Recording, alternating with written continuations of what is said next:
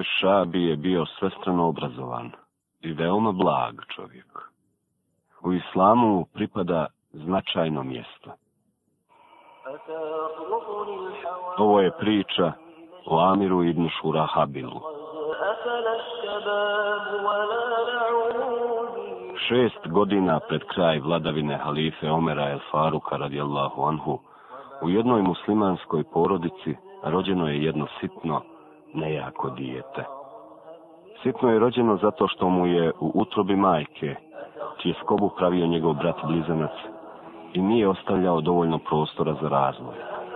Međutim, poslije rođenja nije više dalo ni njemu, nikome drugom, da mu smeta u stjecanju znanja, blagosti, pamćenja, razumijevanja i razvijanja nesvakidašnje prirodne nadarenosti.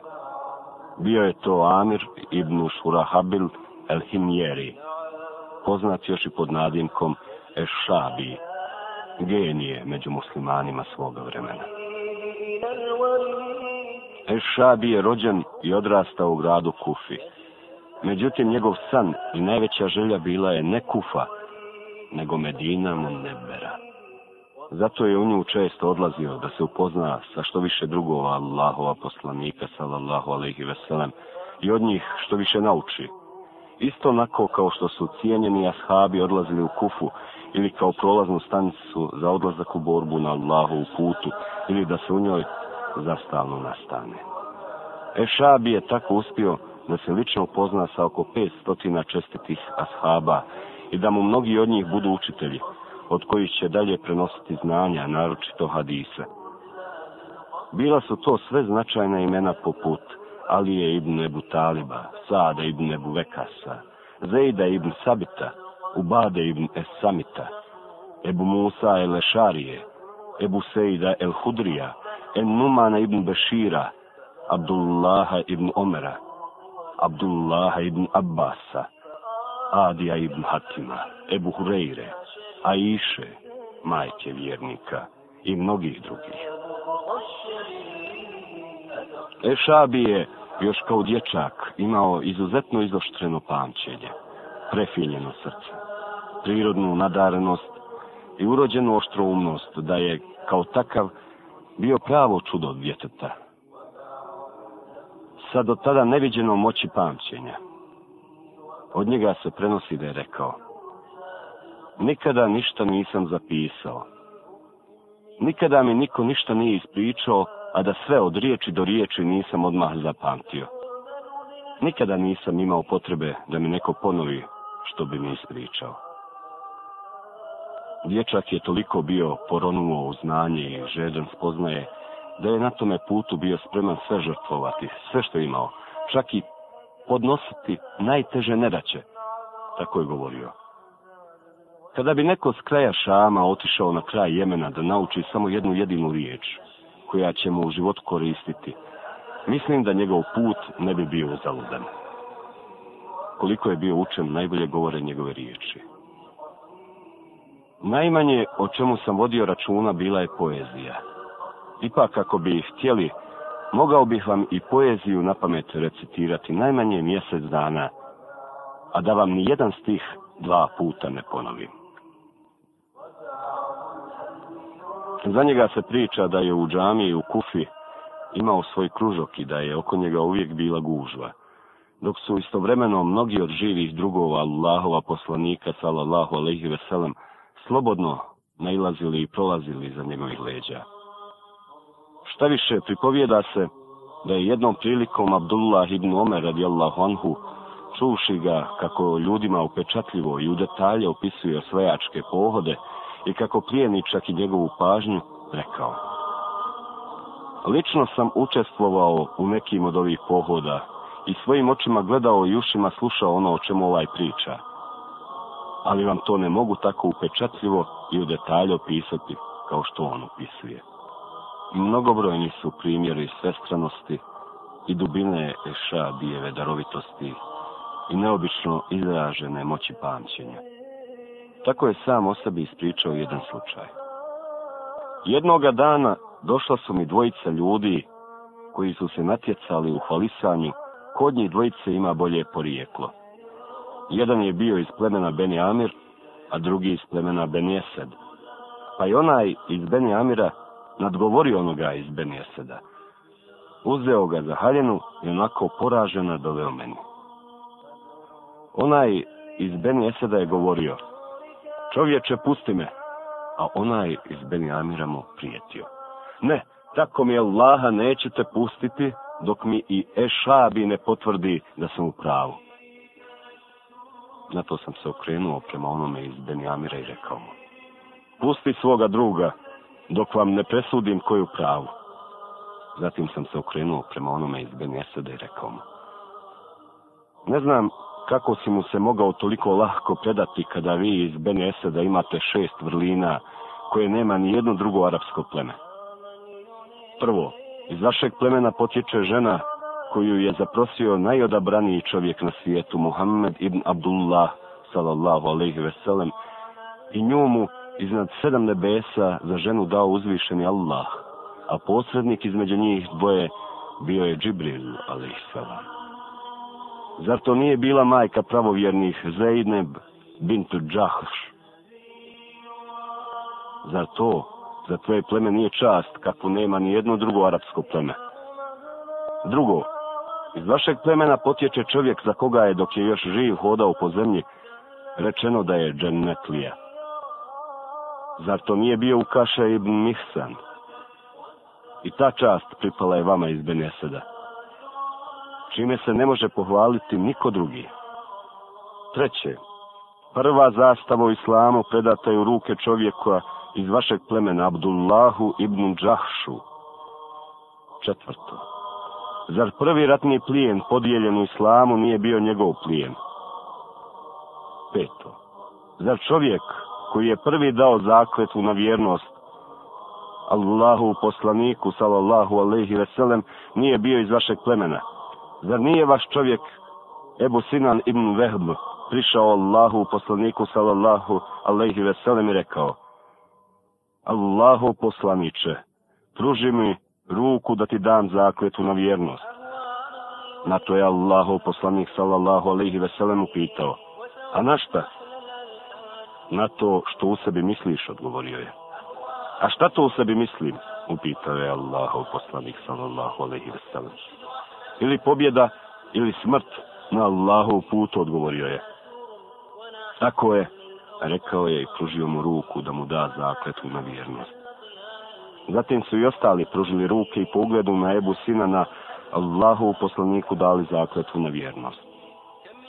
Šesto, zar jedna sedmina muhađira učesnika bitke na Bedru nije bila iz plemena Benjesed? Na to se onaj iz plemena Beni Amir ušutio.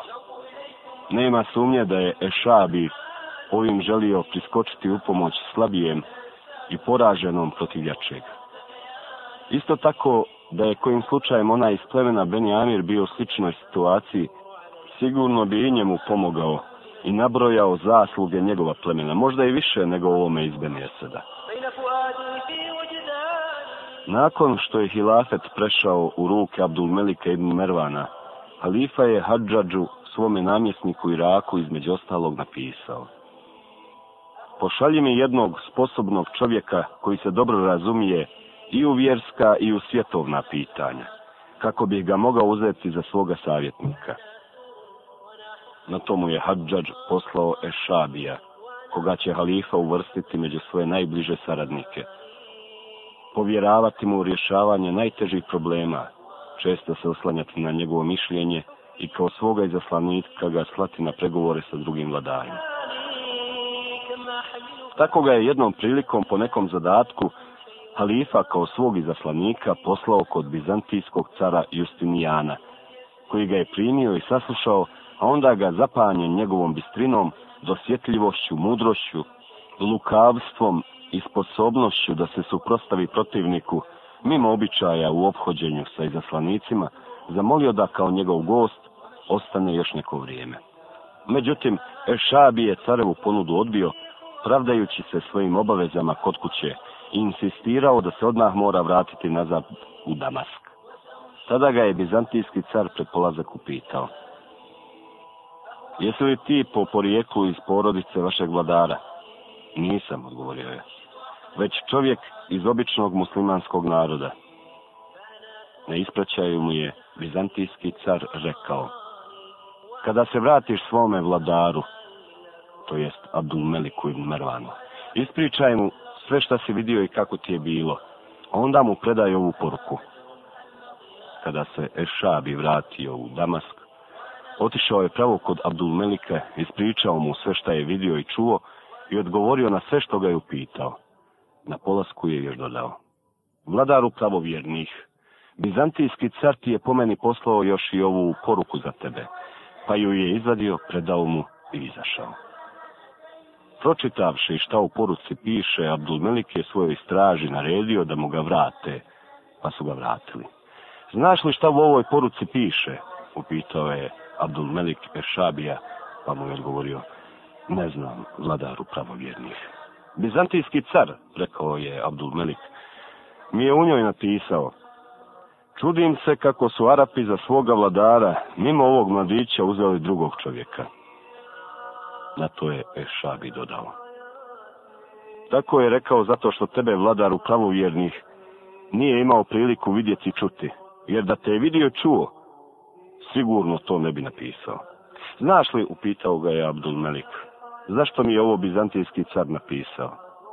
Ne znam, vladaru pravovjernih, odgovorio je Šabi.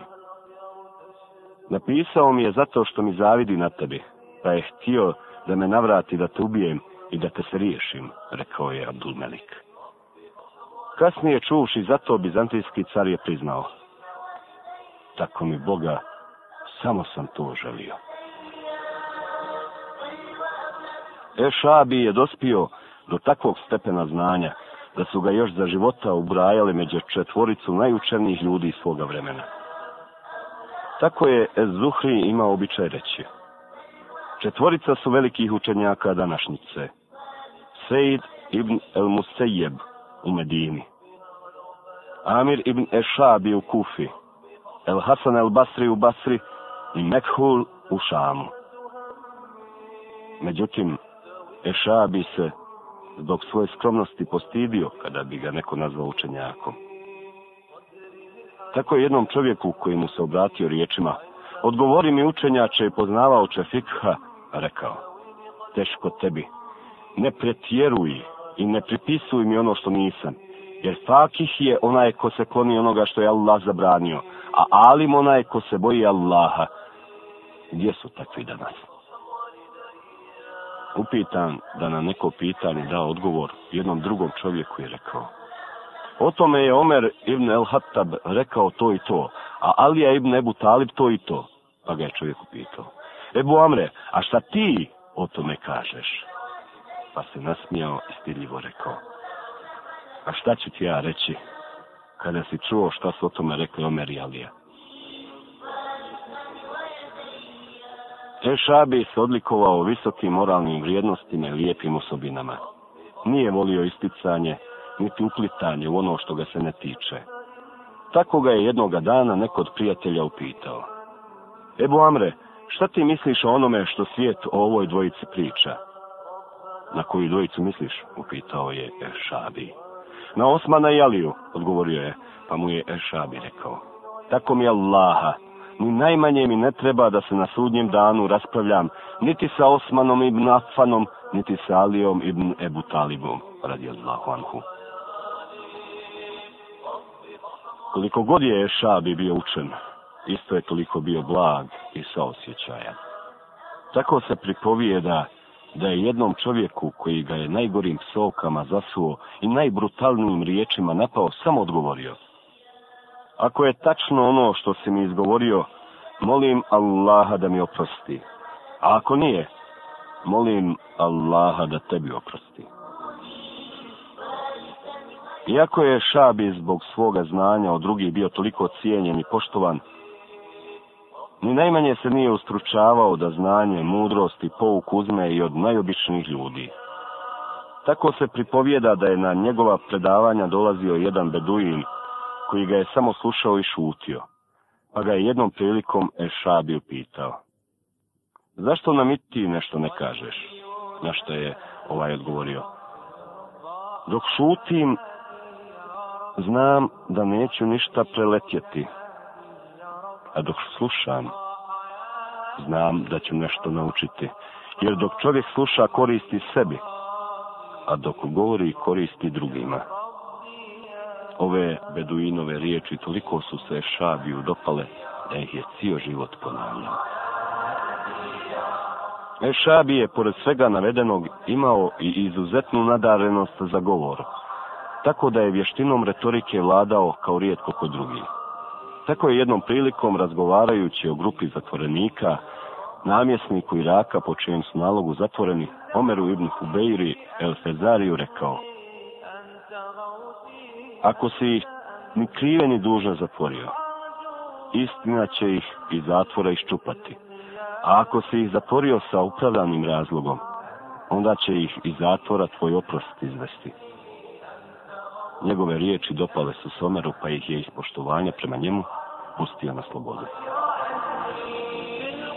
I pored naglašene muževnosti i visoko dostignutog položaja u vjeri i znanosti, Ešabi je bio i izuzetno duhovit čovjek sa visoko izgrađenim smislom za šalu i humor, te kao takav nije propuštao priliku ni da se našali. Tako se pripovjeda da ga je jednom prilikom potražio neki čovjek koji ga nije poznavao i zatekavši ga da sjedi sa svojom ženom upitao. Ko je od vas dvojice šabi?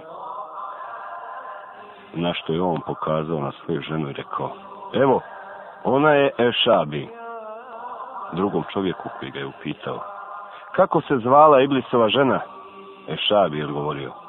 Ne znam, nisam bio na njihovoj svadbi. Kakav je Efšabi doista bio, možda najbolje govore njegove riječi o samome sebi. Nikada se nisam pomakao sa mjesta za onim za čim se ljudi trčeći polomiše. Niti sam kada udario svoga slugu. Nikada mi ni jedan rođak pod dugom nije umro, a da ja nisam dug vratio onome kome je bio dužan. I na kraju, napomenimo da je Ešabi živio preko 80 godina. Kada se odazvao pozivu svoga gospodara i za njegovu smrt čuo El Hasan El Basri je rekao Allah mu se smilovao. Bio je čovjek širokog obrazovanja i velika dobričina. Zato mu u islamu pripada да,